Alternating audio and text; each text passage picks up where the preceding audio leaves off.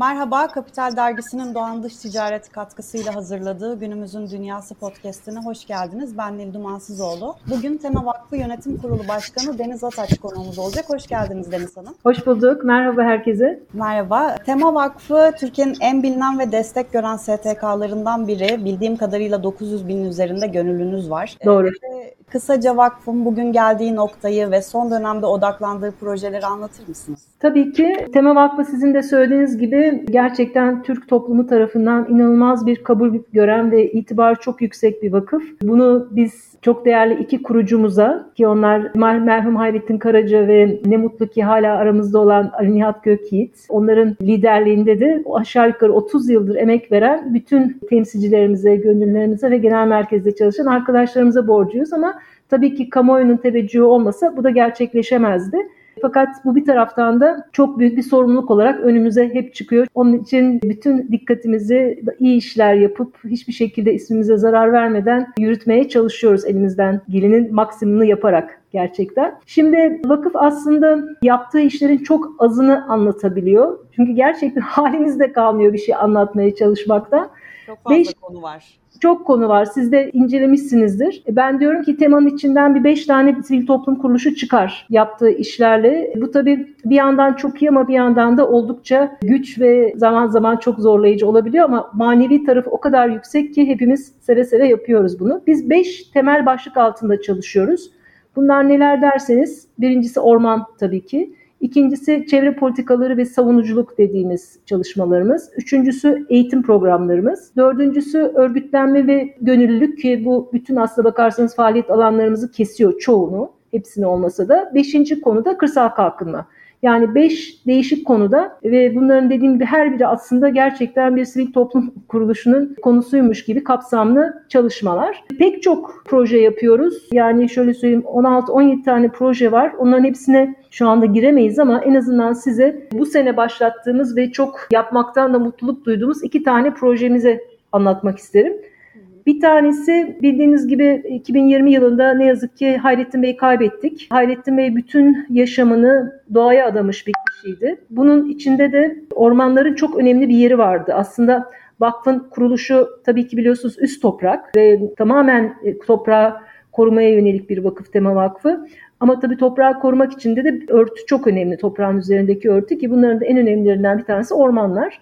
Hayrettin Bey ormanlara çok önem verdik ve doğal yaşlı ormanlara da çok önem verirdi. Çünkü bu doğal yaşlı ormanların oluşması çok uzun yıllar sürüyor. Yani yüzyıllarca sürüyor. Öbür taraftan da biyoçeşitliliğinde %80'ini bu ormanlarda bulabiliyoruz. Biz de bu konuda bir proje başlatmaya karar verdik. Onun e, ölümünün birinci yılında. Onun adı da şöyle oldu. Hayrettin Karaca Doğal Yaşlı Ormanlar Projesi. Bu projenin amacı ne diye çok kısaca konuşmamız gerekirse biz önce doğal yaşlı orman kavramı nedir ve doğal yaşlı ormanlar gezegen için, bizim için ve tüm canlılar için niye önemli? Bu konuda bir farkındalık yaratmayı istiyoruz bu projeyle. İkinci adımda ise doğal yaşlı ormanların belirlenmesi için ki bu en önemli ve en zengin bölgemiz olan Doğu Karadeniz'de belli kriterlerin oluşturulması ve bu kriterler üzerinden de o bölgedeki doğal yaşlı ormanların belirlenmesi ve sonra da bu ormanların koruma altına alınmasını hedefliyoruz. En az iki yıl sürecek proje. Bitiremezsek bir sene daha uzatırız ama iki yılda bitirmeyi hedefliyoruz. Burada bilim kurulu üyelerimiz, bizim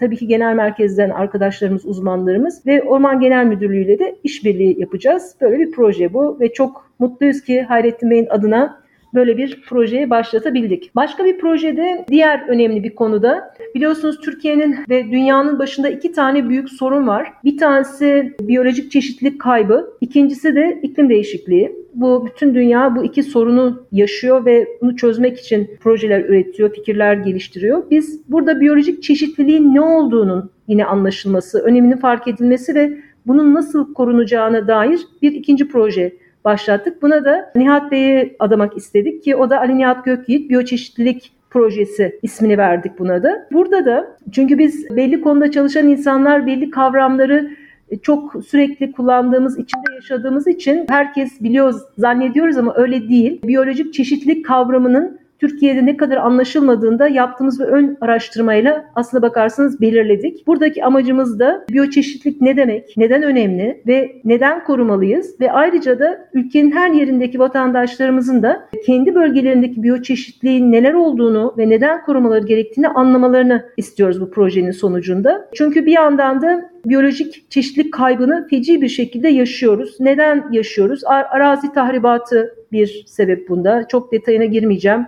İklim değişikliği başka bir sebep. Avlanma ve aşırı yararlanma başka bir sebep. Dolayısıyla biz sürekli biyolojik çeşitliliğinden kaybediyoruz dünyanın. Biz de dediğim gibi bu projede biyolojik çeşitliliği anlattıktan sonra biyolojik çeşitliliğe zarar veren hareketlerin de neler olduğunu ve onları hep birlikte neden korumamız gerektiği konusunda çalışacağız. Bunun dışında çok önem verdiğimiz başka bir konu çocuklarla yaptığımız çalışmalar ki bunlar doğa eğitimi çalışmaları. Tema uzun yıllardır çocuklarla doğa eğitim çalışmaları yapıyor. Ancak bunu her sene daha geliştirerek devam ettiriyoruz. Şu anda okul öncesinden lise sona kadar 4 değişik yaş grubunda sürdürdüğümüz eğitim projelerimiz var ve bunları 81 ilde uyguluyoruz. Bunların isimleri de yaş gruplarına göre minik tema, yavru tema, ortaokul tema ve lise tema. 4 başlık var. Dediğim gibi bu tamamen çocuklarımızın yaşlarına göre bu programların içerikleri hazırlanıyor ve bütün program onların anlayacağı o yaşın ihtiyaçlarına göre düzenleniyor. Bu sene burada bir adım daha attık. O da ne yazık ki yaşanan salgın nedeniyle çocuklarımızın okula çok az gitmesi sonucunda tüm içerikleri, burada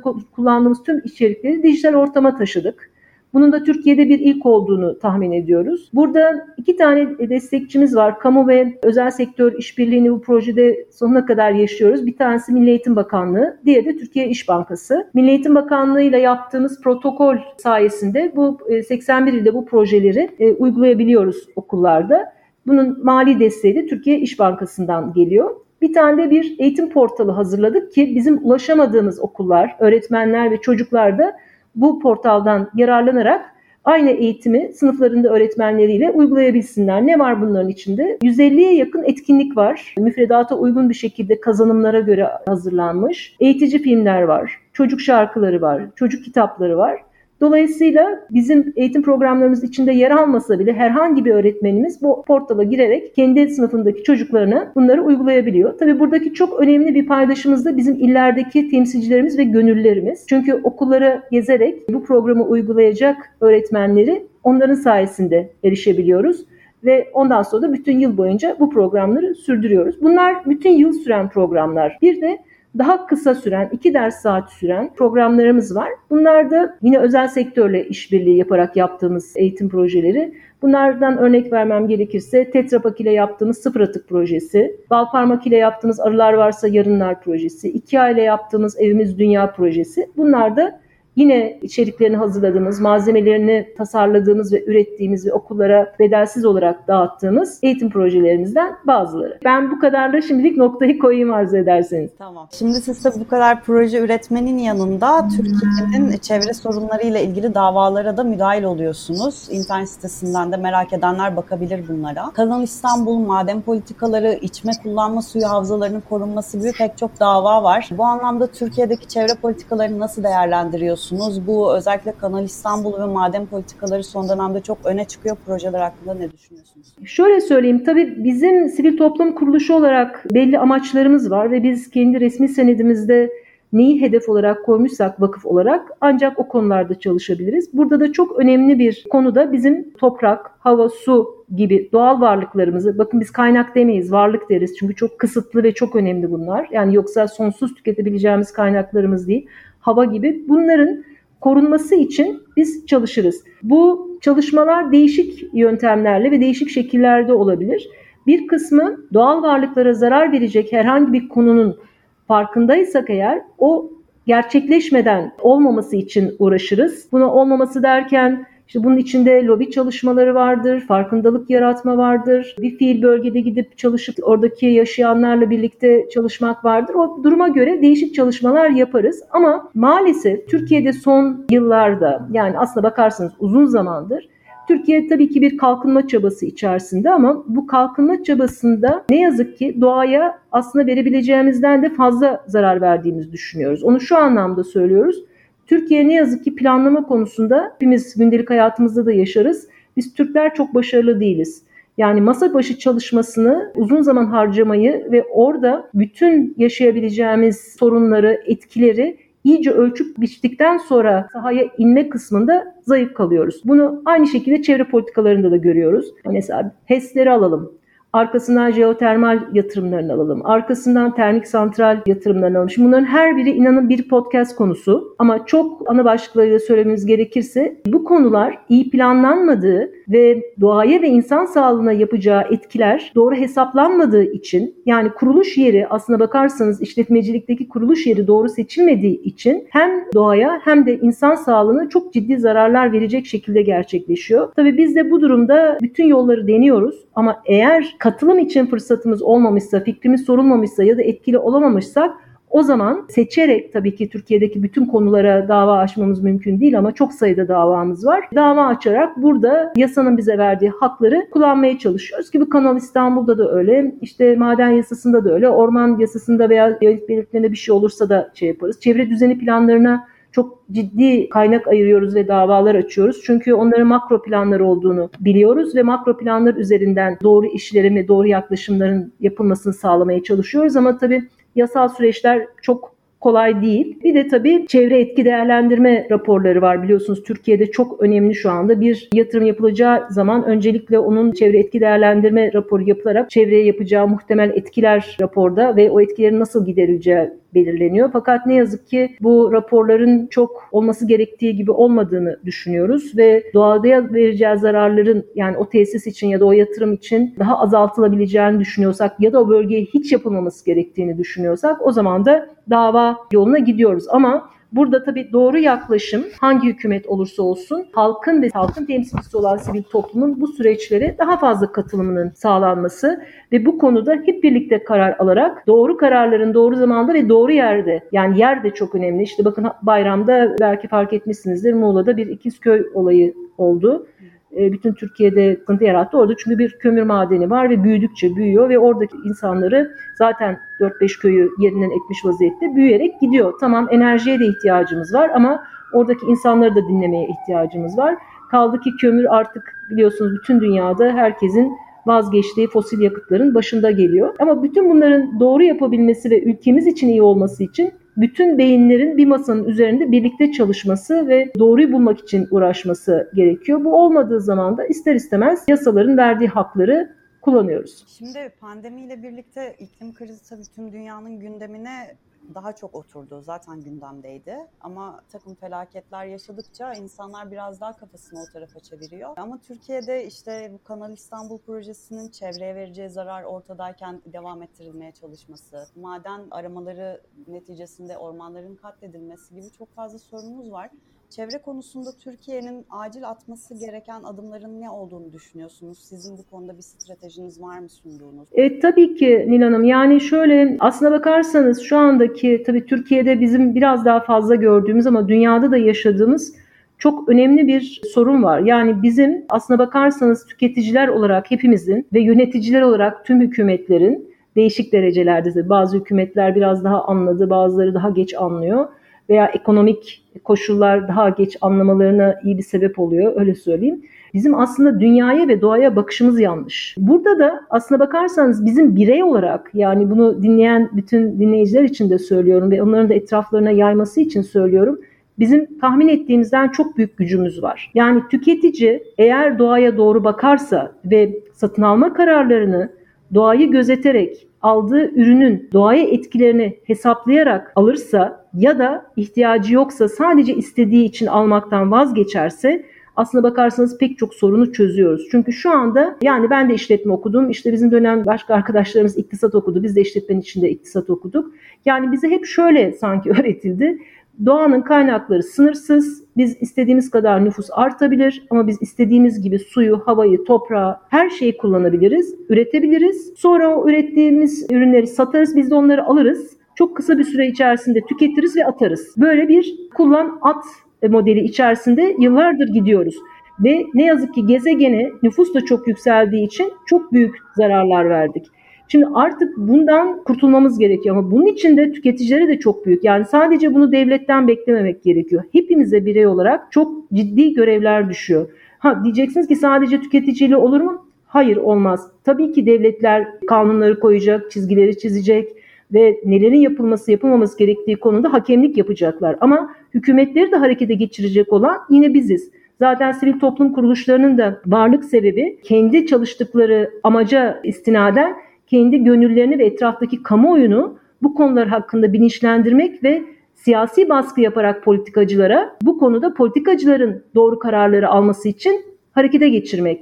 Yani şöyle bir şey söyleyeyim size çok basit. Şimdi iklim değişikliği konuşuyoruz ve iklim değişikliği biliyorsunuz bundan birkaç sene önce bile hala tartışılıyordu. Bu doğru mu değil mi? İşte acaba yanlış raporlar mı çıkıyor? İşte bu akademisyenler niye bu böyle söylüyor? Halbuki tam aksini söyleyenler de var vesaire vesaire. Ama şu anda hep birlikte ne yazık ki yaşıyoruz. Yani son geçtiğimiz günlerde bile neler olduğunu biliyorsunuz. Yani Amerika günlerdir yanıyor. En son 90 noktada yangın vardı. Bizde seller Arhavi'yi yok etti. Ondan önce Rize. Bizde orman yangınları Allah'tan çıkıyor çabuk sönüyor.